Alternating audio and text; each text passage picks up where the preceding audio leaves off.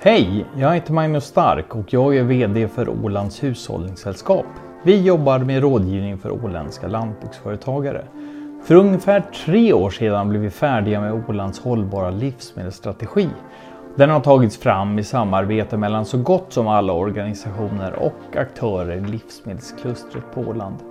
Den här strategin är ett slags färdplan som ska hjälpa oss att arbeta mot samma mål, en mer hållbar livsmedelsproduktion. I strategin finns fem spjutspetsar, områden där vi på Åland har goda möjligheter att ligga i framkant. I det här första avsnittet av Axganpodden lär vi oss mer om de fem spjutspetsarna i fem korta intervjuer. Och nu kunde jag förstås räkna upp alla som intervjuas och vad varje spjutspets handlar om. Men det är så lätt att glömma på vägen, så vi tar det bit för bit. Och om du inte redan vet så lovar jag att i slutet av podden ska jag också berätta vad en axigan är för något. Och nu drar vi igång. Välkomna till Axigan-podden. Jag heter Sölve Högman, jag jobbar på Ålands landskapsregering och är byråchef vid Jordbruksbyrån. Hej Sölve och eh, välkommen hit till Axigan-podden. Där vi nu ska prata om spjutspets 1 i Ålands hållbara livsmedelsstrategi. Och eh, det är industriell symbios kring cirkulation av näringsämnen. Många ord, men vad betyder de? Ja, alltså symbios för mig så det är ju liksom biologi. Det är ju när någonting har nytta av varandra, när någonting hänger ihop. Och eh, när vi pratar symbios kring cirkulation av näringsämnen och i ett industriellt perspektiv så då i min värld är det att man sluter kretslopp, man, eh, man knyter samman flöden och har nytta av varandra helt enkelt. Om vi tar Åland då så är det åländska jordbruket är ingenting utan den åländska livsmedelsindustrin och eh, den åländska livsmedelsindustrin är ingenting utan den åländska, eh, åländska jordbruket. Och grejen där är att det finns idag väldigt liten symbios när det gäller eh, cirkulation av näringsämnen. Men det finns en jättestor potential. Och det är väl lite det som, som den här spjutspetsen handlar om. Att, att få ihop de här parterna och eh, ta hand om de resurser vi har. Mm. Vad är det för potential du ser? Det jag ser är en hållbarare livsmedelsproduktion förstås. Det är ju det vi jobbar med. Men eh, eh vi kan eh, slå upp eh, Statistisk årsbok som ÅSUB förtjänstfullt tar fram varje år. Och eh, där ser vi hur mycket gödselmedel till exempel vi köper in till Åland varje år. Eh, det är mycket pengar. Ja, ja. Det är gödselmedel som vi kanske inte skulle behöva köpa in i lika stor utsträckning mm. om vi fick ihop det här mm. på ett bättre sätt. Finns några, finns några projekt som pågår nu kring eh, cirkulation av eh, näringsämnen? Ja, alltså det är mycket på gång inom det här området. Och eh, eh, det ser till exempel vi då eftersom eh, Jordbruksbyrån är, är, den myndighet som ska godkänna de här gödselmedlen. Och eh, eh, vår medarbetare Tina Danielsson som jobbar med de här frågorna hon får mer och mer samtal, mer och mer jobb att, att titta på det här. Så det, det, det är liksom mycket på gång och folk tittar på det här. Eh, det finns inte så mycket konkret ännu men det vi ser är ju att det, det planeras eller det jobbas med, med biogas till exempel i, i större utsträckning. Eh, vi har Orkla som har, har ett större biogasprojekt. Eh, OCA har ju ett tag hållit på med biogas. Eh, det finns eh, Svinryggens deponi jobbar med biogas. Och det här gör man ju också med en tanke att man ska också kunna få ut en rötrest då som ska kunna funka. Eh, för jordbruket. Mm. Vilka ämnen pratar vi om och hur påverkar de miljön?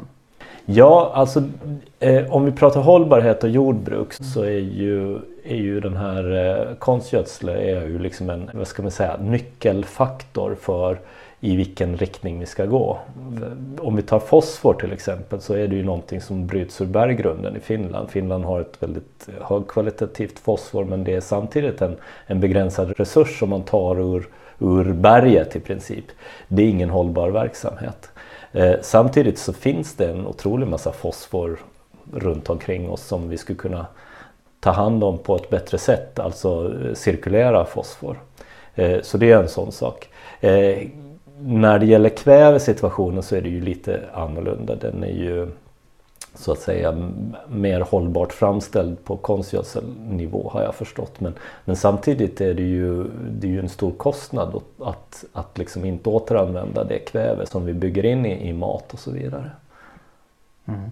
Har, vilka, har du något fler projekt, exempel än eh, biogasprojekten som pågår kring, kring den här spjutspetsen? Nej, egentligen inte, inte så här konkret. Det har jag mm. inte. Det som kanske är lite problematiken är att det här är någonting som alla ska jobba med och, och det är lite som jag uppfattar det essensen i livsmedelsstrategin är det är liksom inte att livsmedelsstrategin eh, ska genomföra projekt och vara projektägare utan livsmedelsstrategin ska liksom bidra med en tankemodell att det här är åt det håll vi vill jobba. Och sen ska alla liksom vad ska man säga det spelar ingen roll om det, om det är ett privat företag eller om det är landskapsregeringen eller om det är hushållningssällskapet som kommer med initiativ. Så, så det är ändå viktigt att det är i linje med, med livsmedelsstrategin.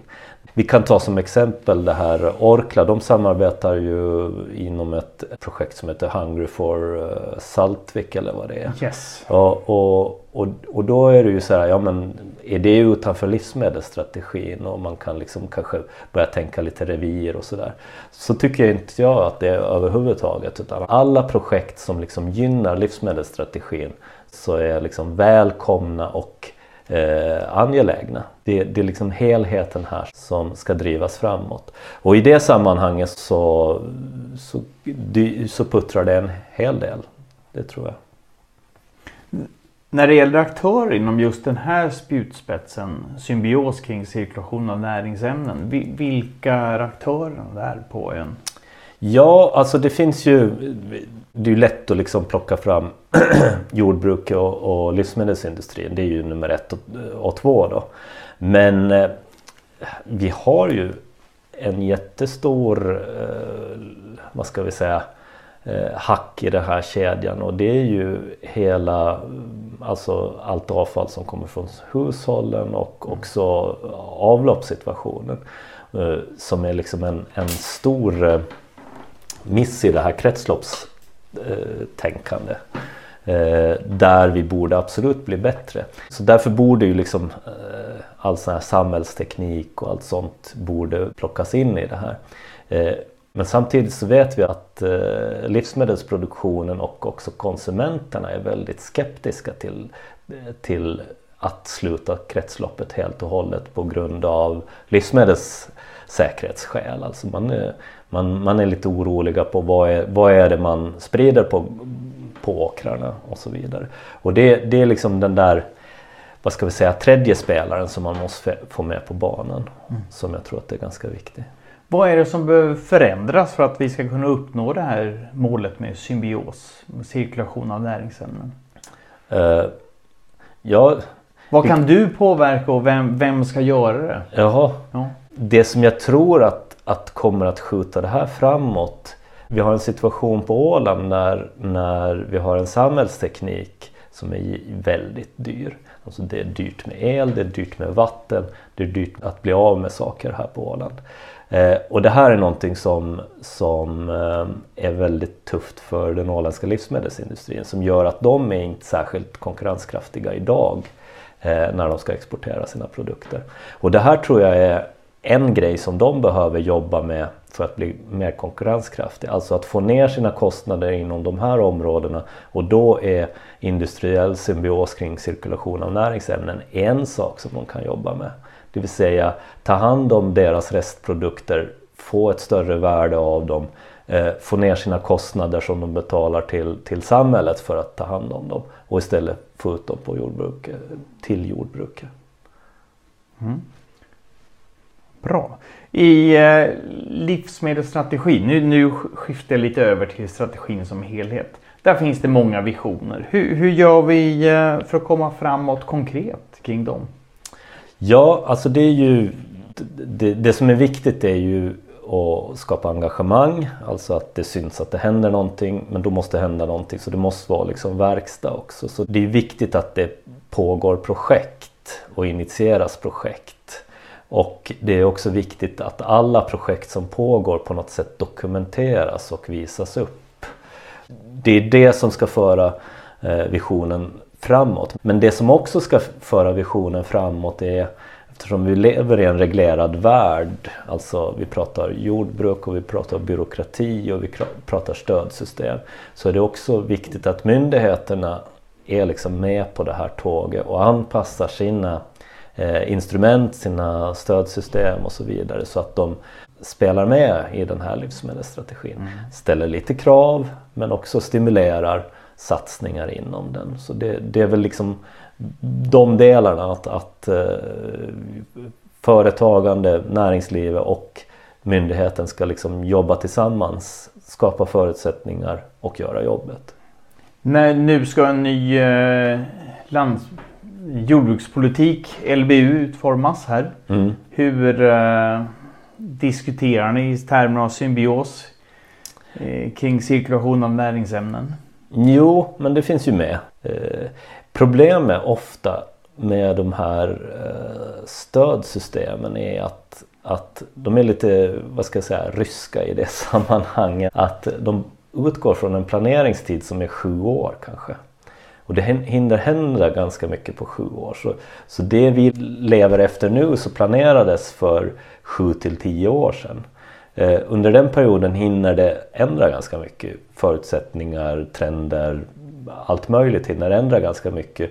Så att det, det är väl inte alldeles omöjligt att vissa av de här åtgärderna kanske eh, inte är anpassade till de behov som finns just nu. Och där är det ju viktigt då att vi är liksom med och, och, och kan snabbt anpassa oss eh, och göra om och göra rätt.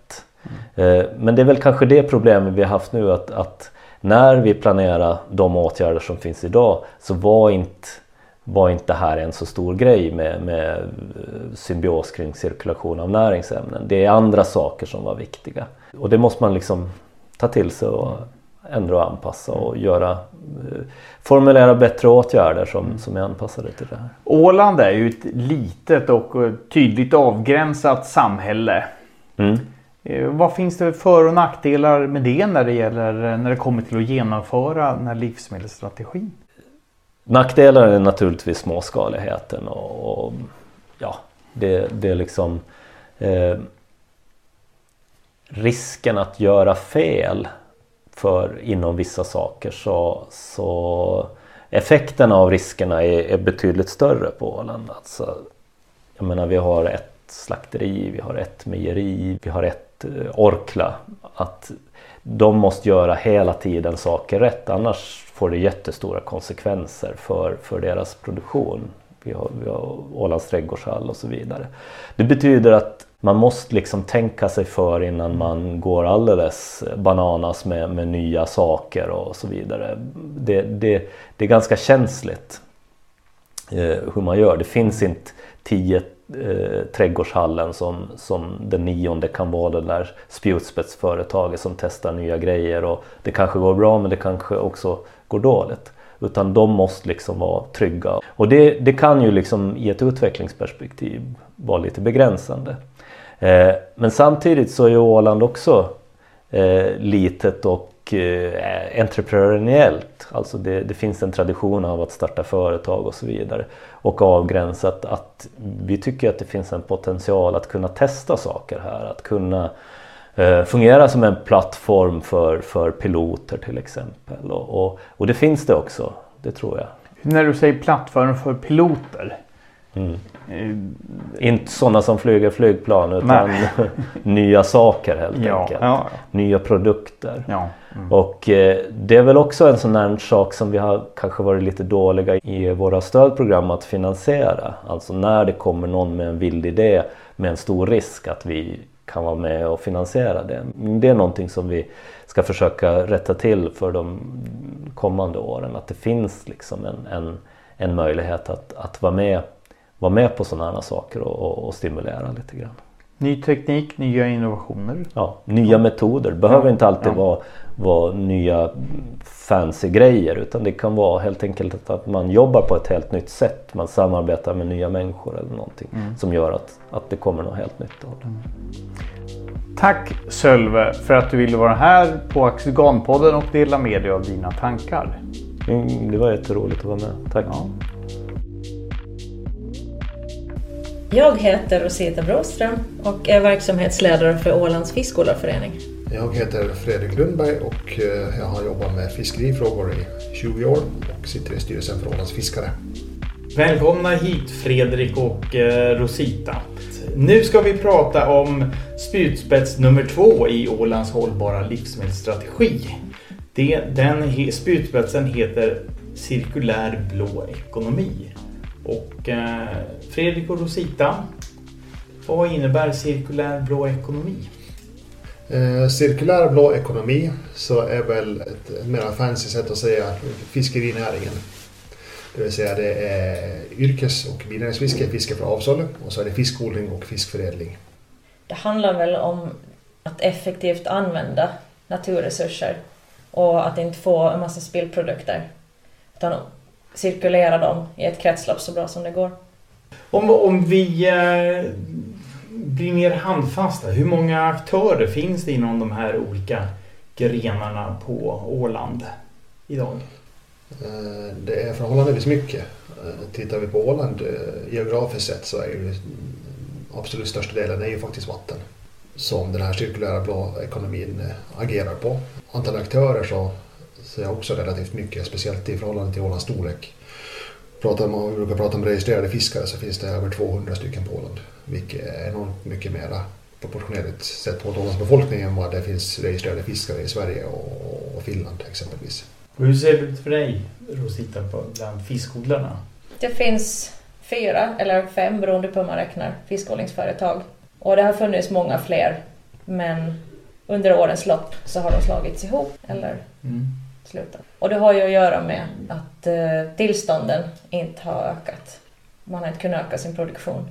Hur har branschen, eh, du är inne på det nu, hur har branschen utvecklats under de senaste 20 åren? Kan du säga något om det? Ja, dels det då, att det har blivit färre fiskodlingsföretag. Mm. Men det är klart också att tekniken för att odla fisk och eh, kunskapen har ju ökats successivt. Och vi har ju en enorm proffsig fiskodlarkår på Åland som har varit med länge. Så man kan mycket mer om hur man ska odla fisk och det gör att fisken växer bättre, får mindre sjukdomar. Man har också mycket bättre fiskodlingsplatser än vad man hade i början. Varför är fisk framtidens mat? Fisk är väl alltid den maten som vi borde äta mer av. Det innehåller ju väldigt mycket nyttigheter. Bra proteiner, bra fetter, mineraler. Egentligen sånt som fattas i våra jordar idag så finns i fisken, selen till exempel. Fisk har ju alltid varit bas, eh, basmat och basnäring på Åland ända sedan. Det var väl därför folk koloniserade de här holmarna för 6000 år sedan. Och eh, havets åkrar som man brukar kalla dem så har ju alltid varit en, en, en betydande del av, av, av möjligheten att få att försörja sig här. Sen har ju Åland stora vattenarealer och vi skulle kunna fiska betydligt mer om, om, om yttre förutsättningar skulle tillåta. Vilka yttre förutsättningar då? Alltså för, för yrkesfiskets del så måste vi först vara på det klara med att, att det är ett småskaligt kustfiske som vi bedriver här som är extremt hållbart. Men det är också väldigt sårbart för yttre faktorer.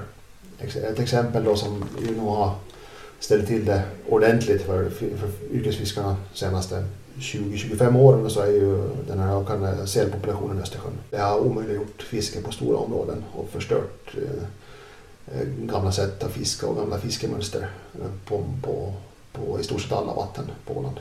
Så det har varit en, en stor bidragande faktor. Sen också den här liksom, mm, kanske livsmedelssystemens eh, eh framväxt. Alltså det har blivit större centraliserade livsmedelssystem sett på hur vi får eh, maten från producenten till konsumenten. De är i så stor skala idag. Det är liksom svårt för säsongsberoende fisk att passa in i det.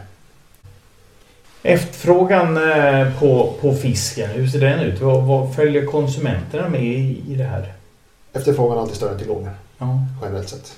Jag kan inte komma ihåg något scenario där, där fisk som har blivit fångad för konsumtion inte, inte ska bli såld. Sen kan vari, priserna variera lite faktiskt och, och, jag tycker att ibland så, så stämmer inte riktigt priserna överens med efterfrågan som man upplever på marknaden. Men det har mer att göra med de här matchningarna som jag pratade om mm. tidigare. Att det är liksom svårt att hitta. Eh, på Åland har vi en liten, vi har möjlighet att fiska mycket och vi fiskar mycket. Men vi har en ganska liten lokalmarknad. Så det innebär att det måste skickas bort därifrån. Det är samma som med jordbruksprodukterna.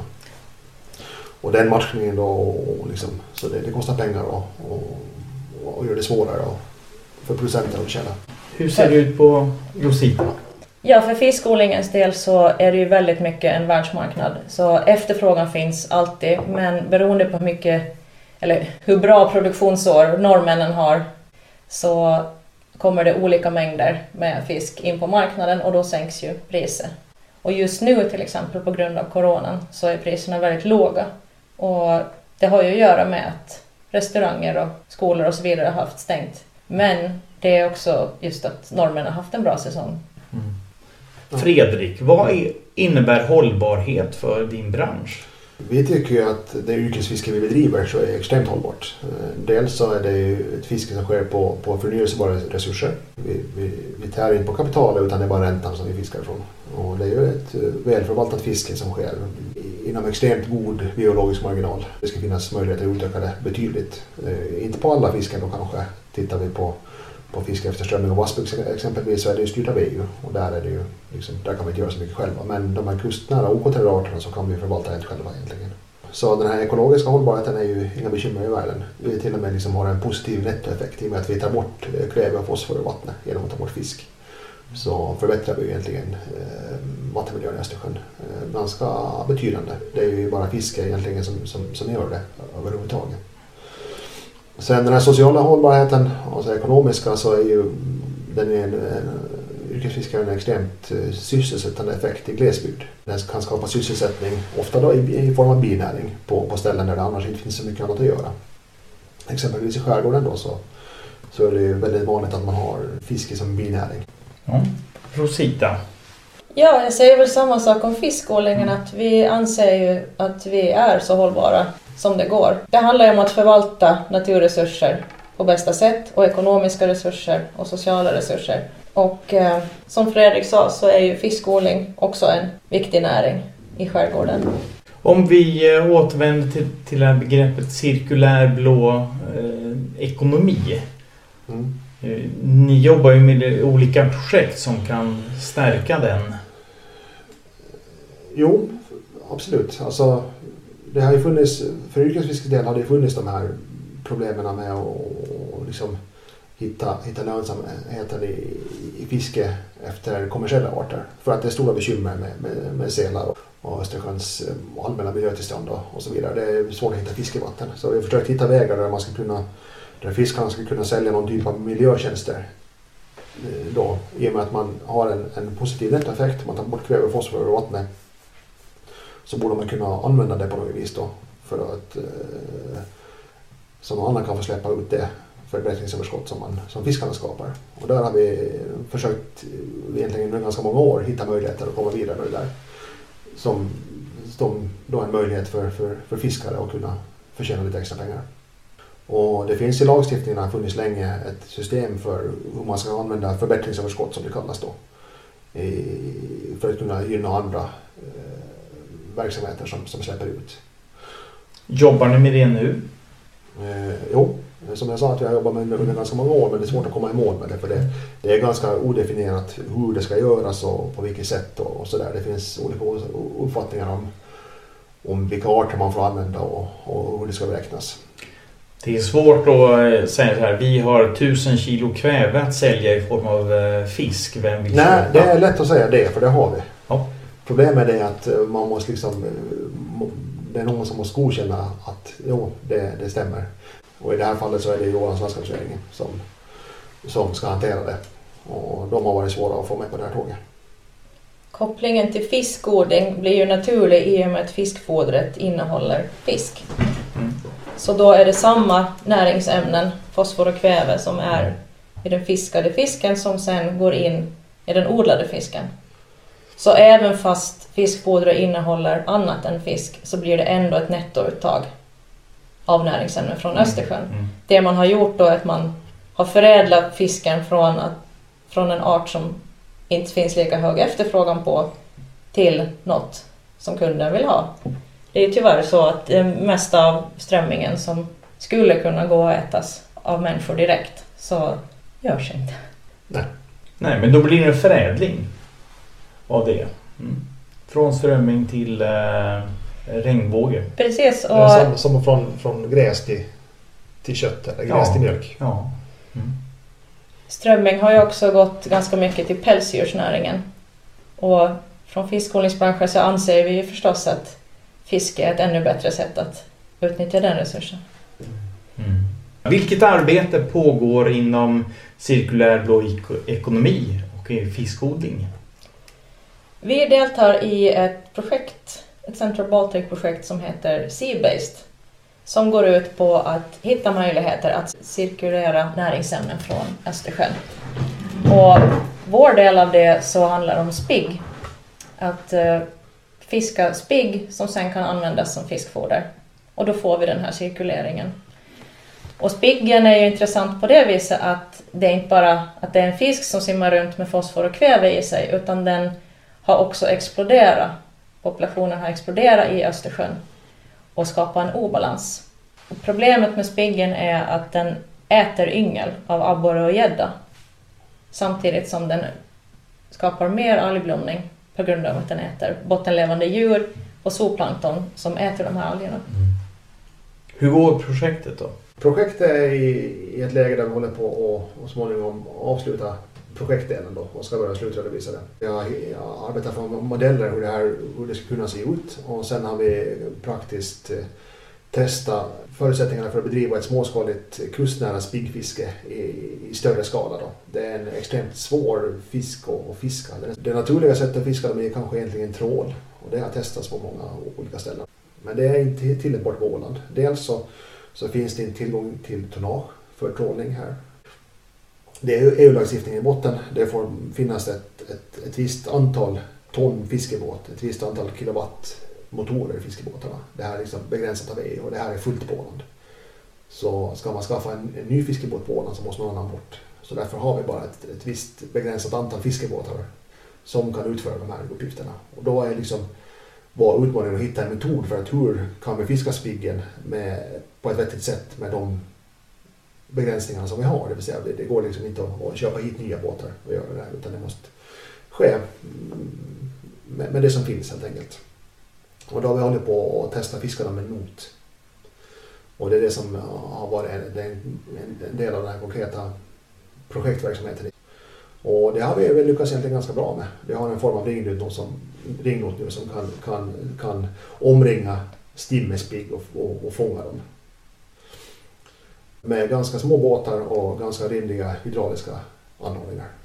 Så där, på, därvidlag, så, till den delen kan vi säga att vi är mål. Nej, jag vet att ni jobbar för att lyfta intresset för eh, fi- odlad fisk på Åland. Här genom eh, bland annat eh, Kockskolan. Kan du berätta mer? Ja, vi planerar en temadag för regnbåge för studenterna vid Hotell och restaurangskolan. Eh, Och det handlar ju om att ge de blivande kockarna en kunskap i vad är det som är speciellt med den åländska regnbågen? Hur tillagar man den på bästa sätt? Och hur lyfter man fram den till restauranggästerna? För det handlar ju också om storytelling, att de ska veta var kommer fisken ifrån, hur är den odlad och vad, vad skiljer den från den norska laxen till exempel. När det gäller färskhet och närproducerat Mm. och så vidare. Och vad är det som skiljer? Ja, för det första så är det ju en helt annan art. Regnbågen och laxen är inte samma fisk. Eh, regnbågen är mera som en entrecote om laxen är en biff. Och den, den ger ju lite andra smaker. Och framförallt så är den ju färsk. Den kommer från, från Fögle eller Brände eller Eckerö. Fredrik, ni har ju också gjort ett projekt med så kallad skräpfisk. Det får man inte säga. Det får man inte säga. Då tar vi om det. Eh, Fredrik, ni har gjort ett projekt med att eh, göra vad då? Eh, vi har försökt Ge mig använda, ordet. använda Ja. eh, Ja. alltså Nya fisksorter. Ja, alltså, De här tradi- traditionella Ja. kommersiella arterna, så Ja. de, är, de, är, de är bra. De är, liksom, men eh, det finns ju många arter som inte, som inte används idag egentligen, som var Mm. populära förr i tiden Ja. och som inte används i så hög utsträckning idag. Ett exempel är braxen, som finns i, och tillgår i ganska stora mängder och är lätt att fiska vissa tider. Så eh, vi har ett projekt där man tillsammans med Rädda Lumpan där man försöker få igång ett system för hur man ska kunna använda det här i, i, i våra offentliga kök. Och det här skulle vara en fantastiskt, ett fantastiskt sätt att kunna utnyttja en lokal resurs som förbättrar vattenkvaliteten i våra fjärdar och sund och samtidigt som det ger en, en, en fantastisk mat. På 50-60-talet så var det en populär matfisk men det har liksom, användandet har försvunnit av olika anledningar då. Det handlar mycket om människors bekvämlighet idag. Eh, tillgången på mat är ju mycket, mycket större än vad den var förr i tiden. Mm. Efterfrågan på fisk, både odlad och eh, vildfångad, är stor. Men möjligheten att växa den är begränsad. Hur löser vi det? Drömfritt. Ja, det som man har gjort hittills och som man också kan fortsätta med så är ju en effektivisering av både fodret eh, och foderutnyttjande. Eftersom våra tillstånd är baserade på hur mycket vi släpper ut så gäller det att ju mera fisk vi får per mängd foder, desto mer kan vi odla. Och det där har vi förbättrat enormt under årens lopp och det finns alltid mer att göra. Eh, ett annat sätt är ju då de här kompensationsåtgärderna och kretsloppsanpassningen. Vi har gjort så pass mycket effektiviseringar och förbättringar av fiskodlingstekniken så det blir väldigt dyrt att göra ytterligare förbättringar. Och då är ju kompensationskonceptet ett tanke att lägga pengarna där de gör bäst nytta. Och då kan man ju tänka sig att till exempel göra åtgärder i miljön som, som finns behov av men det finns ingen finansiering. Då kan en fiskodlare gå in och betala för det och som kompensation få odla lite mer fisk. Ja, solklart för mig. Vi får se om det är solklart för eh, politikerna som beslutar kring det här. Ja, det gäller ju att det här möjliggörs inom lagstiftningen. Och det är delvis en utmaning på grund av EU-direktiv som begränsar väldigt kraftigt var man får göra de här åtgärderna och hur man ska göra dem. Och det, det där måste kombineras då med den tillståndsprocessen. Att det skrivs in på ett sätt så, så att det faktiskt är möjligt att göra i praktiken. Mm. Och sen måste man ju få tillräckligt mycket för det.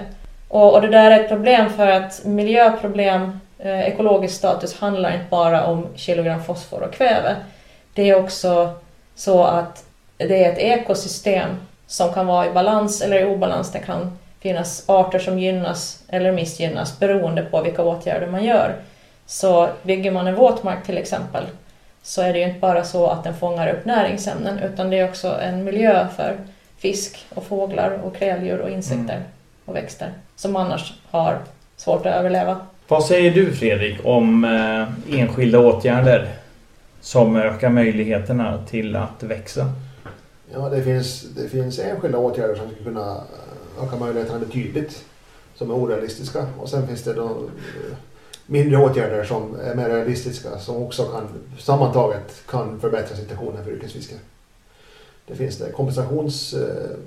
Kompensationsåtgärderna kan vara en sak, att fiskarna kan få mer betalt för det arbete de gör redan med att ta upp fisk, att de liksom kan utnyttja det förbättringsöverskott som de genererar till att och sälja det till en fiskodlare eller till en jordbrukare. Liksom Mm. eller till någon industri. Och sen är det ju en fråga alltid att vad, var, går, var läggs ribban? Hur mycket behöver vi kompensera? Man lyfter ofta fram fiskodlingen som den största förorenaren av fosfor och kväve på Åland. Och det är ju att se det i ett väldigt snävt perspektiv eftersom vi är Finlands viktigaste fiskodlingsregion och vi har ingen annan omfattande industri. Så vi brukar ju säga det att det är mer rättvist att se det på nationell nivå och då står fiskodlingen från, för 1-2 procent av fosfor och kväveutsläppen. Så då kan man fråga sig, är det rimligt att fiskodlingen måste ha ett nollutsläpp när ingenting annat har det? Det är klart att vi ska göra så gott vi kan, men det måste ju vara inom rimliga ekonomiska gränser. Då säger jag nu eh, tack Fredrik och tack Rosita för att ni vill komma hit och prata cirkulär blå ekonomi med mig och Axigan-podden. Hej, heter Dennis Grönros. Jobbar som specialodlingsrådgivare här på Ålands hushållningssällskap. Dennis, du är välkommen till Axigan-podden och där ska vi nu prata om eh, spjutspets nummer tre i Ålands hållbara livsmedelsstrategi. Spjutspetsen är, handlar om förbättrande av jordhälsan. Vad betyder det Dennis? För att förbättra jordhälsan så måste vi först fundera ut vad är jordhälsa egentligen? För jordhälsa det betyder många olika saker. Och det bästa vi kan egentligen i dagens läge mäta är ju hur den som använder jorden mest är ju växterna, hur de växer i jorden. Och alla växter ska ha lite olika förutsättningar. Så jordhälsa betyder väldigt olika saker beroende på varför grödor man eh, tittar på. Hur mår Ålands jordar? Ålands jordar mår lite olika beroende på vad, vad vi ha, har det. det. Senaste året så har eh, specialodlingsgrödornas mederskördar gått uppåt. Det är de högsta skördarna vi någonsin upplever eh, de senaste åren. Det här året var det väl högsta lökskörden någonsin.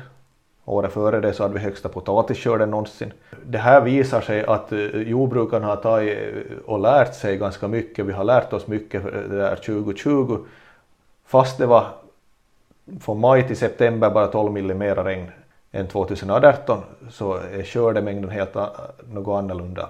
Man har lärt, vi har arbetat mycket med vattenhushållningen och, och det har gett effekt. Jordbrukarna är lärolika och, och lär sig av hur det, det, fungerar. Och det har man ju gjort i alla tider. Man är van med ändringar men det kommer alltid överraskningar som, inte, som man inte är van med. Men när man kommer någonting så anpassar man och vi lär oss. Mm. Om, du, om man ska ta då temp, tempen på, på jordhälsan här, är, vad, vad tittar vi då på för storheter? Om, går vi igenom vad egentligen växten behöver för att växa bra. Så den behöver, den behöver i största förhållande så är fukten. Mm. Det är vatten, det är den största begränsande faktorn som vi har. På årsbasis per hektar har vi tillräckligt mycket vatten. Det är bara det att vattnet kommer i fel tidpunkter. Där kommer det in att vi börjar magasinera vatten men vi tillför aldrig egentligen till en åker en hektar mer vatten än som någonsin har eh, eh, regnat ner på den. Utan det är bara samma vatten som vi måste magasinera någon annanstans och återföra till samma hektar. Sen kommer vi till näringen.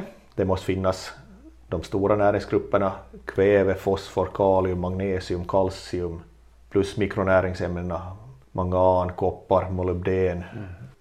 selen, bor Vissa av de näringsämnena, så för, my- för lite av det så växer det ingenting och för mycket är giftigt. Och sen att få solen att arbeta i det hela för att få mineraliseringen igång, få det att starta upp. Så utan solen har vi ingen växtlighet. Att solen är vår grundpelare. Du brukar prata om det att eh, jordar är precis som människor. Att man, de man ska behandla åkrarna som individer. Det är precis vad det är. Att det finns inte, varje åker, varje ställe är unikt. Det finns inte ett koncept vi kan köra. För alla jordar är lite unika. Vi har förutsättningar, det är lite olika mullhalter, olika jordarter, eh, odlingshistorier, eh, vad som ligger under i alven, alltså det är under matjordslagret under 25 centimeter som vi använder som matjordslager som vi kallar det som går med alven. Vad finns där? hur kapillärkraften fungerar, allt påverkar. Solen, eh, nordläge, blåsten. Så det finns inga raka koncept utan det är unika individer, varenda en. Och de flesta jordbrukare så, man är världsbäst på sin egen jord. Men grannens har man egentligen ingen aning, börjar man odla av den. Så det, det tar några år innan man lär sig det. Mm. Du som specialodlingsrådgivare också, sen så finns det växtodlingsrådgivare här också på Hushållningssällskapet. Hur, hur, hur jobbar ni eh, eh, dagligen med de här frågorna om förbättra jordhälsan?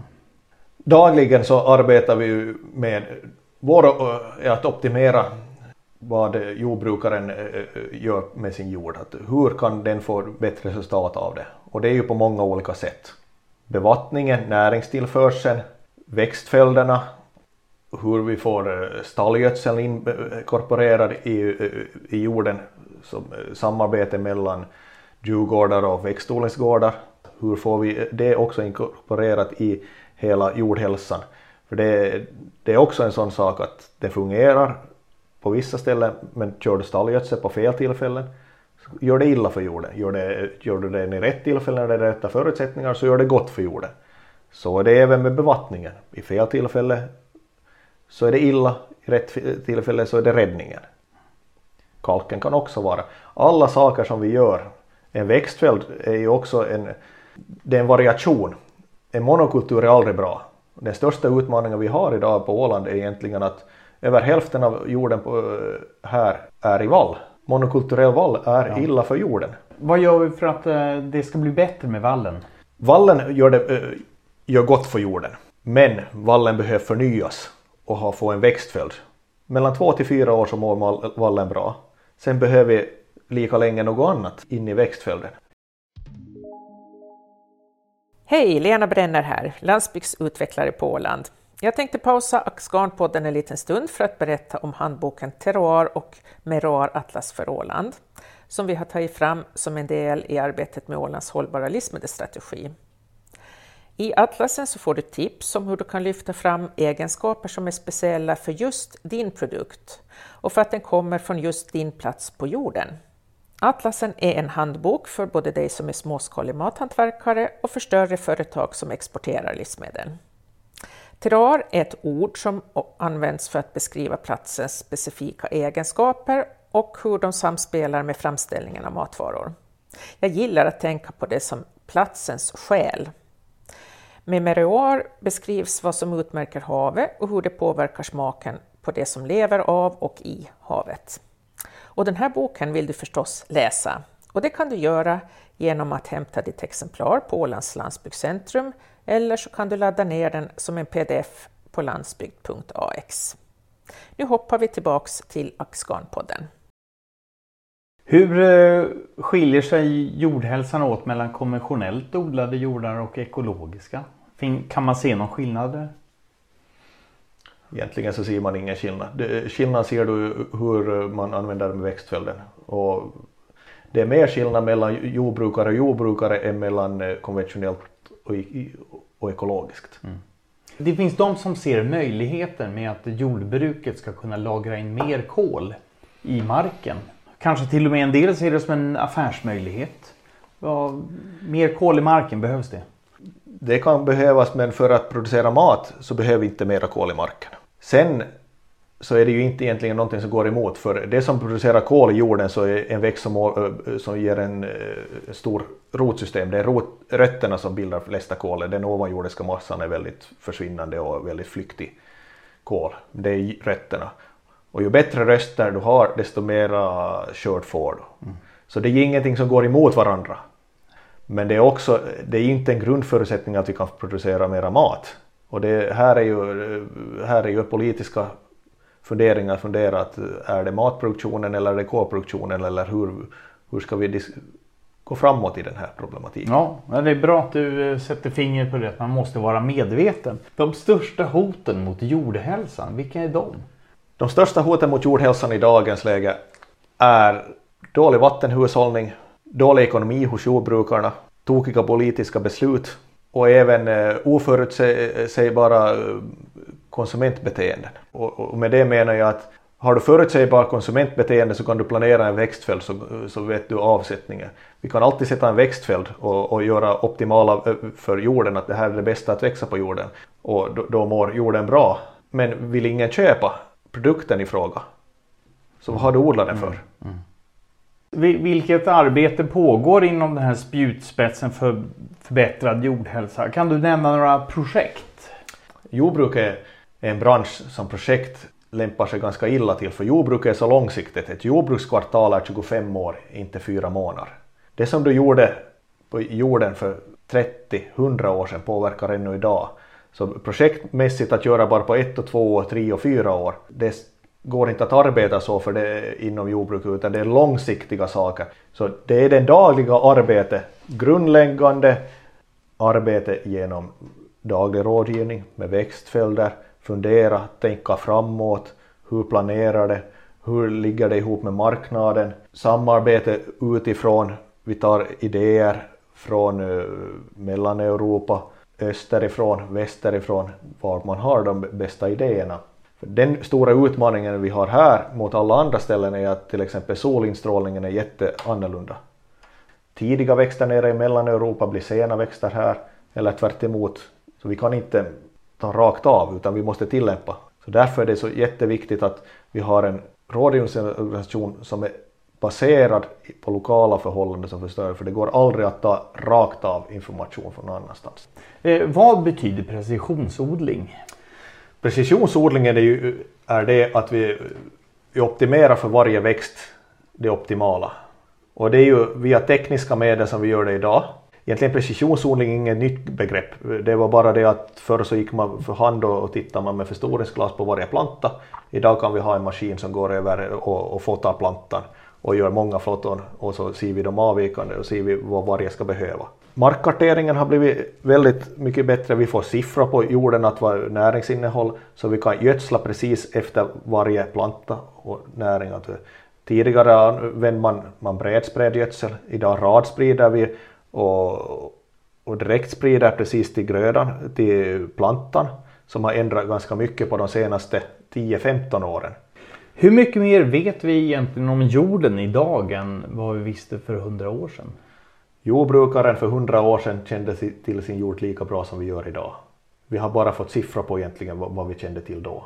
Och det möjliggör att vi kan bruka, samma jordbrukare kan bruka en större areal idag. Tekniken, arbete är samma sak, förståelse är samma sak. Det är bara hur man gör det som skiljer sig. Tack Dennis så mycket för ditt bidrag om spjutspets nummer tre, jordhälsan och hur vi förbättrar den. Tack och god fortsättning. Hej, jag heter Karin Ekström och jag jobbar som husdjursrådgivare på Ålands hushållningssällskap. Karin, välkommen till Axganpodden. Nu ska vi prata om Ålands livsmedelsstrategi och den så kallade spjutspets nummer 4. Och den handlar om biodiversitet, levande landskap och betande djur. Varför är det så viktigt eh, med betande djur för ett hållbart lantbruk? Vill man ha öppna landskap så då är ju betande djur en viktig resurs. Du, eh, du säger att djuren behövs för det öppna landskapet. Mm. Vad är det de gör och hur hänger det ihop egentligen? No, det finns ju en del marker då som är svårtillgängliga och eh, som alternativet skulle vara då att röja med maskinellt eller för hand. Och det slipper vi helt enkelt när djuren gör jobbet åt oss då kan man säga.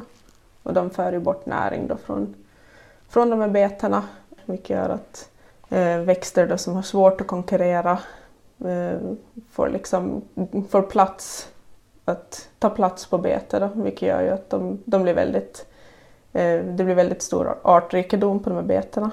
Hur många kor, lamm och hästar finns det på ön? Ja, det finns, om man tänker nötkreatur totalt, då, så finns det ungefär 8500 eh, 2020. Då.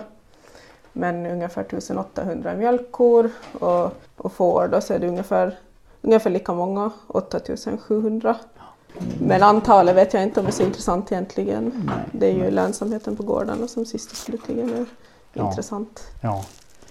Vilka arbeten pågår inom den här spjutspetsen för tillfället som du jobbar med? Mm. Ja, arbetena pågår ju 24-7, 365 dagar om året och det är ju producenterna som gör det arbetet ute på gårdarna. Och det får man ju inte glömma bort att det är liksom de som gör jobbet. Sen finns det ju projekt då, eh, som har tillkommit inom den här spjutspetsen som jag jobbar med. Ett av projekten då är ju, handlar om virtuella stängsel eh, som egentligen är en ny, ny teknik då där man kan eh, stängsla djur utan ett fysiskt stängsel kan man säga. Stängslet ritas med hjälp av GPS-koordinater som Ja, precis. man skickar signaler till korna och fåren. Ja, precis. Sen tittar vi också på just vall, vallen, då, produktionsvallen. På vårarna gör jag så här vallprognoser så att man ska veta när man ska ta sin första skörd. Det är ju gårdens viktigaste.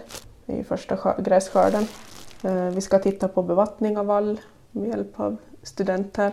Vi håller på med, vi har en praktikant här just nu som, som jobbar inom ett naturbetesköttsprojekt där vi ska titta på både lamm och, och nötproduktion och sen också mjölkkor då, som går på naturbete.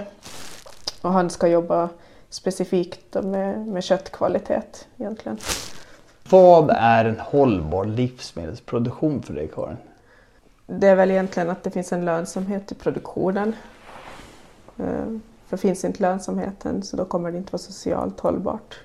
Då får man inte lön så kommer man inte må speciellt bra. Och sen måste det då förstås vara liksom en etisk produktion då när det handlar om djur. Karin, du, du räknar ju upp några projekt här som ska handla om eh, kött och köttkvalitet. Mm. Hur, hur eh, tänker du kring köttkvalitet? Ja, då måste man ju definiera vilken kvalitet som man är ute efter. Och det finns ju olika, det finns ju ätkvalitet, det är väl det som de flesta liksom tänker på när man säger kvalitet. Och sen kan det vara hygienisk kvalitet.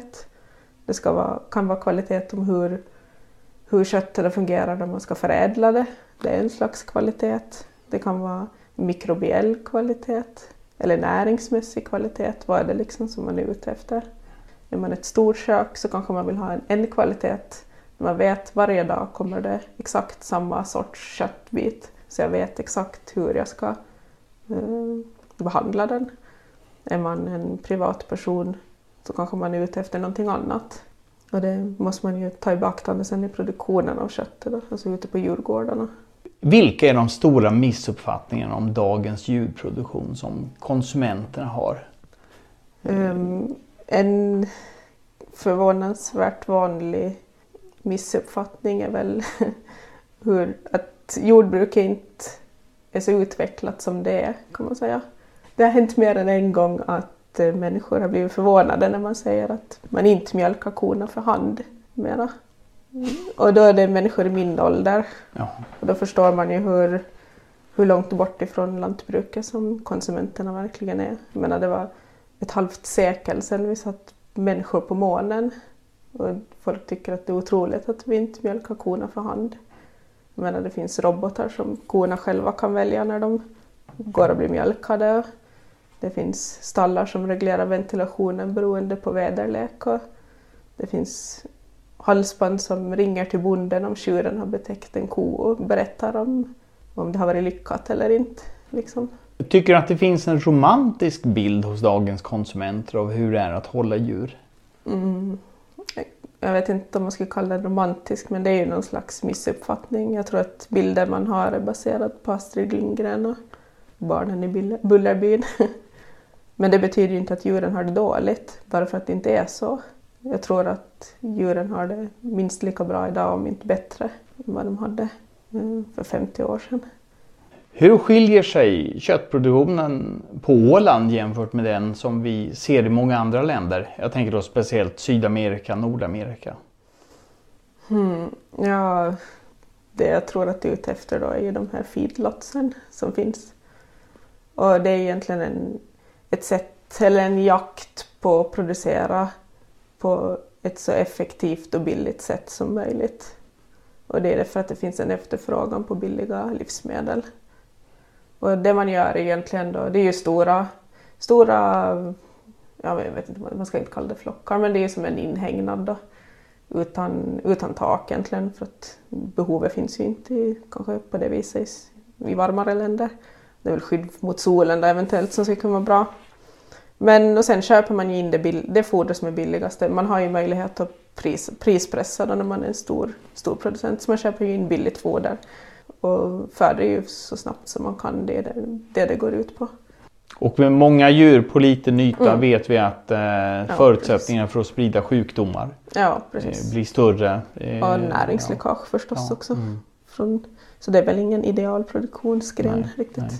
Här ser, ser det ju annorlunda ut. Här har vi ju oerhört mycket regler att förhålla oss till. Och det är ju ett kött som en producent här skulle bli, bli åtalad för. Men det kan man ju i princip köpa i butiken här.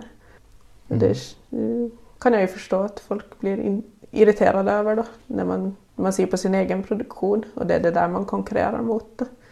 Så det är viktigt att tänka på att när man går i butiken nästa gång att när du ser att det skiljer sig åt mellan olika priser att man ska tänka på vad är det man får. Vad köper Mm. man egentligen? Ja. Men det är ju svårt för en person som inte har någon kontakt med lantbrukare. Men när man kommer springande från jobbet och ungen ska på fotboll och så ska man stå och rädda världen i kötthyllan. Liksom. Hur lätt är det då? Du säger att man inte kan rädda världen i kötthyllan. Hur, men hur ska man tänka när man som konsument går till eh, affären och ska handla? Nå, vill man eh, vara safe så ska man ju köpa åländskt eller inhemskt. För då har du ju möjligheten att fast ringa till producenten om du undrar någonting. Jag tror inte att någon har, ha emot och, och berätta mer om sin produktion. Vad, Karin, vad, vad är det bästa med kor? Det är väl att de kan producera protein eller något som inte vi kan. Det är ju gräset. Vi kan inte odla soja men vi är ganska bra på att odla gräs här. Så då får vi ut ett högvärdigt protein. Både ur mjölken och från köttet förstås. Så, Och det gäller ju förstås också för de fyrmagade fåren. ja, ja, på absolut. samma ja. sätt. De är duktiga på att eh, ta tillvara resursen gräs som Mm. står där och växer. Ja, precis. Eh, ibland brukar man säga rätt djur på rätt bete. Eh, men, men kan det skilja sig så mycket mellan olika Mm. djurslagen? Ja, det skiljer sig ju mellan naturbetena också. De kan delas in ofta i våta beten som är mer strandbeten, mm, löv, lövängsbeten. Sen finns det de som är riktigt torra som, som är mera sandmark eller, eller berg, mera berg. Då. De är väldigt näringsfattiga. Så det är ju så att djuren behöver protein och energi för att kunna producera eller för att alls kunna överleva. Och tar du då till exempel ett lamm som har oerhörda krav på näringsmässig kvalitet eller en högproducerande mjölkko som springer ett maraton varje dag så då, och så sätter du ut henne på ett berg då kan du liksom inte kräva att hon ska producera. Vi skämtar om det hemma så att man kan inte kräva att Usain Bolt ska springa världsrekord om man bara får äta oblater. Sen finns det ju andra djur då som, som lågdräktiga dikor eller om man har en extensiv uppfödning av stutar eller tackor utan lamm som klarar sig bra på det innehållet som finns på de här naturbetena. Men där kanske man måste se åkerbeten då som, en, som ett komplement eftersom man enligt reglerna då inte får stödutfodra på alla olika beten. Då. Så det är inte bara att eh, sätta ut djuret i en eh, hage och vara nöjd. Man måste tänka. mm. Alltså, säga lycka till, Mm. do your best. Det Nej. funkar liksom inte så. Nej. Och det tror jag är viktigt för beslutsfattarna också att förstå. För då gör man ju avkall på produktionen. Och jag tror inte att lönsamheten är så bra på gården att man har råd att göra det. eh, FN säger ju att vi ska äta mindre kött. Ska vi det? Mm. Jag läste en studie från USA och där de bollar med siffror och plockar bort alla mjölkkor. Och så tittar de på mm, koldioxidutsläppen och då minskar de med 0,7 procent. Mm. Så ja, men, ja, det säger ju lite om, om, om tänker miljöaspekten. Kan du tänka dig ett lantbruk utan djur, Karin? Nej, sen är jag förstås intresserad av djur i allmänhet. Men de har ju sin plats liksom i, i vårt jordbrukssystem. Vi får ju både, både gödsel från dem och, och andra liksom produkter från dem. Både mat och landskapsvård. Jag tycker nog att man ska satsa på åländskt om man har den möjligheten. Tack Karin. Tack. Eh, Jag heter Lena Brenner, jobbar som landsbygdsutvecklare vid Ålands landsbygdscentrum Och eh, jag ska idag berätta om spjutspets 5 i Ålands hållbara livsmedelsstrategi som handlar om hållbar och kreativ matregion lockar till besök. Välkommen Lena! Tack! Eh, vad betyder spjutspetsen hållbar och kreativ matregion lockar till besök? Kan du berätta lite mer? Absolut, det är att Åland ska bli en stark smakdestination och, och där besökarna hittar nya annorlunda upplevelser och, och, även smaker och att de får en känsla för platsen. Och det får man då genom att man får smaka på lokal afghansk mat och dryck, det vill säga att man lyfter fram terroir och meroir mm. i produkterna. Mm. Och, och, eh, det är också, I den här spjutspetsen så ingår det ju också att vi ska lyfta fram de områden som vi ligger i framkant när det gäller hållbar livsmedelsproduktion. Och när, jag pratar, eller när vi pratar om hållbar så innehåller ju det alla tre delar, alltså lönsamhet, social och miljömässig hållbarhet. Eh, jag känner idag att det är många som pratar om hållbarhet och då pratar man ofta om den miljömässiga hållbarheten. Mm. Så här är det viktigt också att hålla i minnet att hållbarhet innehåller alla de här tre komponenterna. Vad är det för uh, olika projekt som pågår inom den här spjutspetsen på livsmedelsstrategin? Eh, grunden i arbetet så är handboken Terroir och Meroir-atlasen. Mm. Eh, och just nu, det huvudprojekt vi jobbar med just nu, så är Axganmat på evenemang. Och eh, där så ska vi jobba med att lyfta fram åländska produkter, åländska maträtter under Åland 100-årsjubileumet. Men även att vi ska öka antal afghanska Eh, menyer på restaurangerna.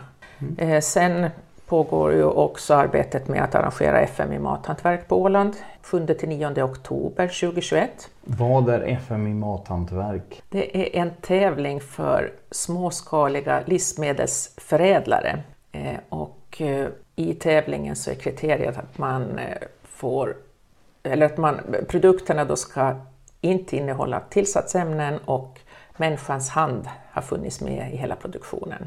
Ytterligare nu så, så samarbetar vi också mycket med Visit Ålands eh, projekt Mat Åland 2022 där man marknadsför åländska produkter på, främst i fastlandet.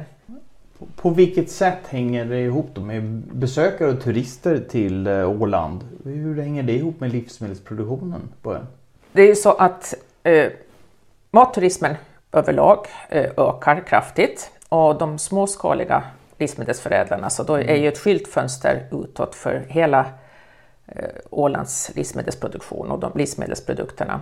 Och, och skördefesten är ju förstås hjärtat i, i hela arbetet med den åländska mat och smakturismen. Och förhoppningen är ju att, att när, när besökarna återvänder till sin hemort så är chansen större att de köper även de större livsmedelsförädlarnas produkter, alltså de som exporterar mm. Mm. produkter, att har de fått en bra upplevelse av bra åländska produkter när de har besökt Åland så hoppas vi att de fortsätter handla det ja. i sina butiker. Och, och, även, även de exporterande livsmedelsföretagen så finns det ju möjlighet att, att eh, utveckla matturismen. De kanske kan ordna olika vandringar i sina anläggningar. Eh, det finns ju redan sådana våra livsmedelsföretag som, som gör det till viss del, speciellt för eh, skolungdomar har det varit ett populärt inslag. Och, och det här gör ju att kunden får de fler kopplingspunkter till produkterna och får liksom en annan kund lojalitet. Det där var svårt ord. Ja. Ja. Att de får ett, en, en, skapar ett kundlojalitet och, och kund, Ja. Hur, hur, kan de större livsmedelsaktörerna och de småskaliga mathantverkarna, hur kan de stötta varandra? Eh, de större livsmedelsförädlarna och företagen så, så bildar ju en infrastruktur, bland annat eh, logistik och, och rådgivning och så vidare. Och, och eh, de, de, har ju också en, en stor kunskap eh, som man kan eh, vad heter utbyta mellan, mellan ja. Även de småskaliga och storskaliga. Eh, och de, som jag nämnde tidigare också, så de småskaliga producenterna så är ju skyltfönstret utåt mm. Mm. För eh, våra, vår matproduktion. Så att båda behövs. Varumärket Åland då?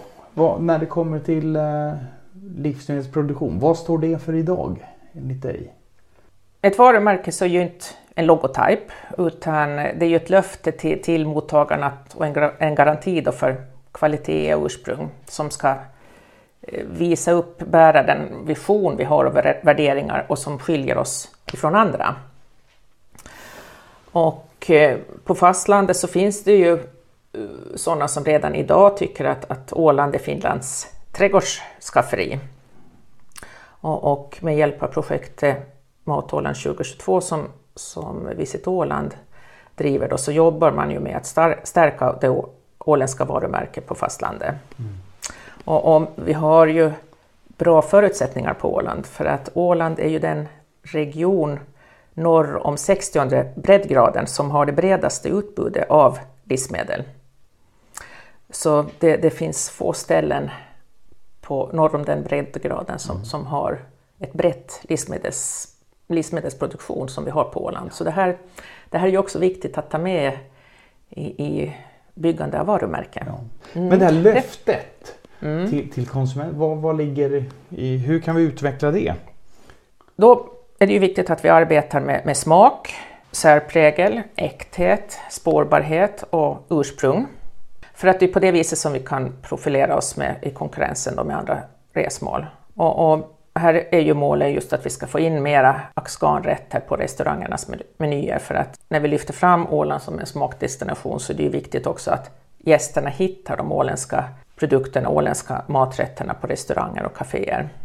Och, och här är det ju just viktigt då att ju mer vi lär oss att arbeta med terroir och meroir så desto intressantare blir Åland som en matdestination. Mm. Du, eh, du säger eh, terroir och meroir. Just nu viftar jag med, nu, det kan inte ni se på radion, men alltså jag eh, viftar med en eh, terroir och meroir atlas för Åland. Vad är smaken av din plats på jorden? står det på framsidan. Kan, kan du berätta mer om den Lena? Hur ska den användas? En regions mat och dryck så berättar ju någonting om den som bor och verkar där. Mm. Och, och, de åländska producenterna så har ju en skatt i Ålands historia och kulturlandskap och, och, traditionella metoder och recepten och både att man kan modernisera gammalt till trendigt nytt. Och terroir, det är ju sånt som man odlar, föder upp på land och meroir är sånt som man tar från uppför havet och sjöarna. Och, och syftet med den här atlasen så det är ju att inspirera till marknadsföring som lyfter fram platsens betydelse. För värdefulla eller produkter som man kan lyfta fram just den här särprägen i så, så är upplysta konsumenter beredda att betala lite extra för. Och, och, mat så det bär ju alltid en prägel, prägel av, av den platsen det kommer ifrån. Så att samband mellan klimat, jordmån och människans sätt att odla och förädla råvarorna så är terroir och meroir. Så det är alltid en, ett samspel mellan människa, natur och produkt. Platsen så den är alltid unik och den går inte att kopiera. Mm. Den terroir och meroir-atlasen, vad ska den användas till egentligen? Mm, och hur, hur man använder den. Så det är en handbok för alla som på något sätt arbetar med råvaror och mat på Åland. Och den består dels av en checklista hur man kan lyfta fram terroir och meroir i sina produkter. Och sen är det också en uppslagsbok kan man säga, både för producenter och besöksnäringen. Och I den delen så, så tar, tar, man upp naturliga förutsättningar för odling och djurhållning på Åland och det är också en beskrivning av livsmedelsproduktionen och matkulturen på Åland från början på 1800-talet fram till idag. Och vilka karaktäristiska smaker och mervärden vi har i de åländska produkterna. När du fick den här i din hand och började jobba vad, vad blev du mest överraskad av? Ja, det var eh, ganska mycket egentligen. Eh, främst just att vi, vi har, jag visste ju att vi hade en rik matkultur men att när man ser det samlat så här på ett ställe så, så har vi ju otroligt mycket och, och som vi kan liksom koppla till i våra, våra berättelser om produkter. Mm. Och, och, och sen också just att att eh, de åländska produkterna har funnits liksom ute i världen långt tillbaks. Till exempel hittar vi en, en gammal annons när Finland hade varit på världsutställningen i Paris i slutet på 1800-talet och då hade man haft med sig två pro produkter från Finland, en sylt från Imatra och åländskt svartbröd. Så att vi har hållit på med export länge på Åland. Mm. Och, och, det som också var intressant när vi jobbade med, med Terroir och Meroratlasen så var när vi tittar på det att i vanliga fall så har vi ungefär 400 000 besökare på Åland per år. Och alla äter ungefär tre mål mat om dagen. Och det innebär ju då, betyder att vi har möjlighet att servera åländsk mat ungefär 1,2 miljoner gånger per år. Så det är också en hisnande mm eh, summa att hur många, hur många turisttallrikar som serveras på Åland.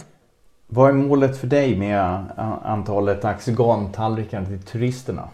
Ja, jag tror vi, vi kommer ju aldrig att, att nå 100 procent och det ska vi nog inte göra heller för att vi, vi ska ju ha ett brett utbud på eh, våra restauranger. Men att vår målsättning är att, att alla restauranger ska ha minst, minst en axgan måltid på sina menyer. Mm, mm. Gärna en förrätt, en varmrätt, en efterrätt. Men att det kan ju också vara till, till exempel dagens lunch eller dagens eh, måltid så, så kunde det vara en axgan måltid. Mm. Du, du jobbar med landsbygdsutveckling. Eh, men det här just nu, du håller på att binda ihop lantbrukaren med eh, förädlaren med restaurangen och handeln. Är det, är det ett särskilt mål? Landsbygdsutveckling låter lite bortanför, utanför staden. Men det är, den landsbygds, landsbygdsutvecklingen är inne i staden också alltså? Mm, mm. Mm. Och eh, eller mitt uppdrag är just att, att fokusera på, på mat och livsmedel. Och mm. här måste vi ju ha med hela kedjan för att det ska fungera. Att.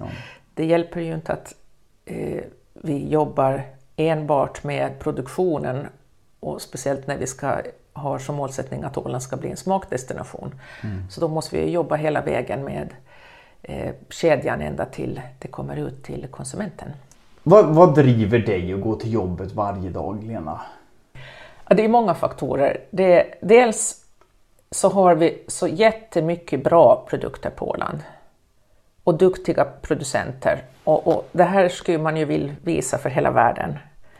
Så att liksom utgångspunkten är så bra här på Åland och, och vi ligger i framkant eh, på flera områden.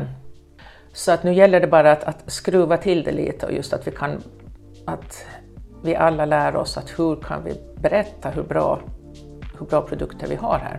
Mm. Tack så mycket Lena. Vi förstår att du håller i den stora skruvmejseln i det här skruvandet då. Mm. På återhörande. Tack så mycket. Ja. Magnus här igen. Jag vill bara tipsa om att i nästa avsnitt av Axganpodden träffar vi Tord Sarling på OTH. Han ser till att våra fina åländska grödor hittar till matborden i hela Finland. Och så ska jag passa på att berätta vad axgan betyder. Om du som lyssnar inte är ålänning så kan det först vara viktigt att veta att ax är den åländska toppdomänen på nätet. De flesta åländska webbsajter slutar alltså på .ax. Ordet axgan myntades av den åländske profilen Johan Mörn och handlar om att man som ålänning väljer ålen så långt som det bara är möjligt. Och det måste inte alltid handla om mat. Det kan också vara att köpa in sin nya tröja i en lokal butik istället för till exempel på nätet. Det gör man för att stödja sitt närsamhälle och hålla det levande. En axgan på resa, exempelvis Halmstad, eller Hamburg eller Hongkong, handlar och äter alltså lokalt även då för att stödja närsamhället just där. Och för säkerhets skull vill jag också tillägga att man inte behöver fråga någon om lov för att använda hashtaggen axgan. Det är fritt fram för alla. Vi hörs i nästa avsnitt av Axcon-podden.